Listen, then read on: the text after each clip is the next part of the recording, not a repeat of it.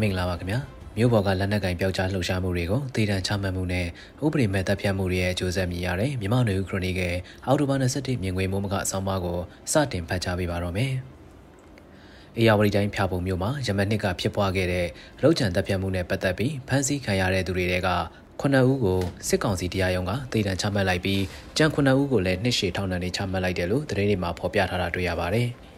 ယမနေ့ဩဂုတ်လကဖျားပုံမြို့ပေါ်မှာအမျိုးသမီးနှစ်ဦးကိုစစ်ကောင်စီတရင်ပေးဆိုတဲ့ဆွဆွဲချက်နဲ့ Black Dragon Force ဖျားပုံဆိုတဲ့မြို့ပေါ်ကပျောက်ကြားအဖွဲ့မှပါဝင်နေဆိုတဲ့ဆွဆွဲချက်နဲ့အမျိုးသမီးတူပါဝင်လူငယ်15ဦးခန့်ဖမ်းဆီးခံခဲ့ရပြီးဖျားပုံခရိုင်တရားရုံးမှာရုံးတင်စစ်ဆေးခဲ့တဲ့နောက်တနစ်ခန့်အကြာမှာထိုကနဦးကိုတည်တံချမှတ်ခဲ့တာဖြစ်ပါတယ်။ ဖျားပုံမျိုးရက်ွက်အုပ်ချုပ်ရေးရုံးကစီရေးမနဲ့၎င်းရဲ့အဖော်တဦးတို့ကိုစားတောက်ဆိုင်ဒီဇိုင်းမှာဖျားပုံမျိုးကမြို့ပြပျောက်ကြားအဖွဲ့တစ်ဖွဲ့ဖြစ်တဲ့ Black Dragon Force ဖျားပုံအဖွဲ့ဝင်တွေကတနက်နဲ့ပြစ်ခတ်တပ်ဖြတ်ခဲ့ပြီးရနေငယ်ကြမှာပျောက်ကြားအဖွဲ့ဝင်ချို့ဖမ်းဆီးခံရတဲ့တဲ့တွေထွက်ပေါ်လာပြီးအဆိုပါမြို့ပြပျောက်ကြားအဖွဲ့ဝင်တွေဖမ်းဆီးခံရတဲ့တဲ့တွေစစ်ကောင်စီဘက်ကထုတ်ပြန်ခဲ့တာဖြစ်ပါတယ်။ အခြားသောပြည်내တိုင်းတွေနဲ့နှိုင်းယှဉ်ကြည့်ရင်အေယာဝတီတိုင်းတွေကမြို့နယ်တွေမှာမြို့ပြပျောက်ကြားလှုပ်ရှားမှုတွေနှဲပါတာတွေ့ရပြီးပသိမ်ဖျားပုံမအူပင်အစရှိတဲ့မြို့တွေမှာလောက်သာပြီးခဲ့တဲ့နှစ်တွေအတွင်းရှိခဲ့တာတွေ့ရတာဖြစ်ပါတယ်။အဆိုပါလှုပ်ရှားမှုတွေအနက်ဖျားပုံမြို့မှာဖြစ်ပွားခဲ့တဲ့လှုပ်ကြံတက်ပြတ်မှုချို့နဲ့ပတ်သက်လို့အခုလိုစစ်ကောင်စီကတည်တံချမှတ်ခဲ့တာဖြစ်ပါတယ်။အေယာဝတီတိုင်းဖြာပုံမျိုးနယ်ဟာစစ်အုပ်ချုပ်ရေးနဲ့ပတ်သက်တဲ့ဒေသလည်းမဟုတ်တဲ့အတွက်အခုလိုဒေသချမှတ်တာဟာစစ်ခုံရုံးမဟုတ်ဘဲအရက်ဘတ်တရားရုံးကချမှတ်ခဲ့တာဖြစ်ပါတယ်။ စစ်ကောင်စီအာဏာသိမ်းပြီးနောက်လက်နက်ကင်ခုခံတိုက်ခိုက်မှုတွေမြို့ရီဘော်ကသတင်းပေးလို့တန်တရားရှိသူတွေကိုလောက်ကျန်တပ်ပြမှုတွေနဲ့စစ်ကောင်စီလုံခြုံရေးကင်းရင်တန်းတွေကိုတိုက်ခိုက်မှုတွေဟာပြီးခဲ့တဲ့နှစ်နှစ်ကျော်ကာလအတွင်းအများအပြားဖြစ်ပွားခဲ့ပြီးဖမ်းဆီးရမိသူတွေကရာဂဏန်းနဲ့ချီကတေတံချမှတ်ခဲ့ပြီးဖြစ်ပါတယ်။ အတိအကျကိန်းဂဏန်းနဲ့ဖော်ပြရရင်150နဲ့160ကြားအရေးအတွက်ရှိတဲ့သူတွေတေတံချမှတ်ခံခဲ့ရပြီးအဆိုပါချမှတ်ခံရသူတွေအနက်က၄ဦးဖြစ်တဲ့ကိုစေရသောကိုချင်းမီနဲ့လိုင်တန်မြို့နယ်က2ဦးတို့ကိုယမနစ်ကချမှတ်ထားတဲ့တေတံစီရင်ခဲ့တာပဲဖြစ်ပါတယ်။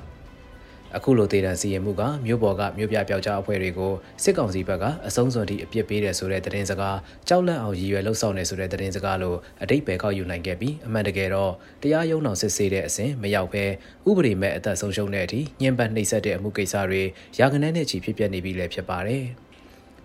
ဒါတွေကမြို့တွေမှာဖြစ်ပျက်တဲ့စစ်ကောင်စီစန့်ကျင်ရေးလှုပ်ရှားသူတွေရဲ့ပေါ်အပြစ်ပေးပြုမှုတာတွေဖြစ်ပြီးကြေးရွာတွေမှာဖြစ်ပွားတဲ့ PDF လို့တန်တရားရှိသူအမျိုးသားတွေကိုတော့ဖမ်းဆီးပြီးနိုင်ပိုင်းအတွင်းသို့မဟုတ်ရက်အနေငယ်အတွင်းစစ်မေးကတပ်ဖြတ်လျက်ရှိကြလည်းဖြစ်ပါတယ်ဒီလိုကြေးရွာတွေစစ်ကောင်စီကိုခုခံတိုက်ခိုက်တဲ့ဒေသတွေမှာနေထိုင်တဲ့အရက်သားတွေပေါ်ဥပဒေမဲ့တပ်ဖြတ်မှုတွေကနေ့စဉ်လိုလိုဖြစ်ပွားနေပြီးမထူးဆန်းတော့တဲ့သဘောမျိုးဆောင်လာတာဖြစ်ပါတယ်။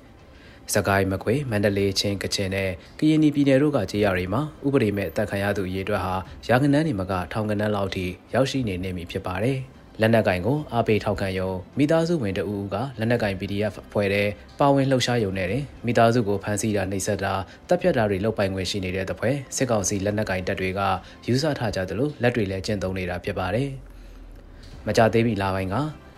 မန္တလေးမုံရွာကားလန်နဘေးရွာကကြေးရွာတရွာမှာလျောက်ကြားဖြစ်သူ PDF အဖွဲ့ဝင်ဖြစ်ုံနဲ့ဇနီးဖြစ်သူကိုစစ်ကောင်စီတပ်တွေကဖမ်းဆီးနှိပ်စက်မေးမြန်းကအရမပြုကျင့်တပ်ဖြတ်ခဲ့တဲ့ဖြစ်ရတာရကတခုလည်းဖြစ်ပွားခဲ့ပါသေးတယ်။အခုလိုတရားဥပဒေမဲ့တပ်ဖြတ်တာအာရမပြုကျင့်တာညှဉ်းပန်းနှိပ်စက်တာပိုင်ဆိုင်မှုတွေလူရဲယူဆောင်သွားတာတွေဟာစစ်ပွဲဆိုတာထက်အမုန်းတရားနဲ့တပ်ဖြတ်နှိပ်စက်ပြီးလက်စားချေတဲ့အသွင်ဆောင်ကပရိသေခေတ်ကစစ်ပွဲတွေလို့လိုက်နာရမယ့်စီမင်းစည်းကမ်းတခုမှမထားရှိတော့တဲ့အသွင်လဲစောင်းလာတာဖြစ်ပါတယ်။ professional army ထိတွေ့မှုဆိုင်ရာစီးမြင်လို့ခေါ်ဆိုတဲ့ rule of engagement ဆိုတာတွေကစာထဲမှာသာရှိကြတော့တဲ့သဘောဖြစ်ပြီးလက်တွေ့တိုက်ခိုက်မှုတွေမှာတုံပန်အယက်သားအမျိုးသမီးအရွယ်မရောက်သေးတဲ့သူစတဲ့အတိတ်ပဲသတ်မှတ်ချက်လိုက်နိုင်ရမယ်စီမင်းစည်းကမ်းဥပဒေတွေကိုလိုက်နာခြင်းမရှိတော့ပဲရန်သူဆိုတဲ့စကားလုံးရဲ့နောက်ွယ်မှာအယက်သားအမျိုးသမီးအရွယ်မရောက်သေးသူပိုင်ဆိုင်မှုစတာတွေအားလုံးကိုခွဲခြားစရာမလိုတော့ပဲမတန်တဆပြစ်ဒဏ်ပေးတာလက်တန်းစီရင်ကတပ်ဖြတ်တာတွေ ဘလို့တရားဥပဒေမဲ့တပ်ဖြတ်မှုတွေအတွက်မှာတာဝန်ခံစရာမလိုတော့တာတွေဖြစ်လာနေတာလည်းဖြစ်ပါတယ်။တရားစီရင်ရေးလို့အမည်ခံထားတဲ့တည်တံချမှတ်ခြင်းက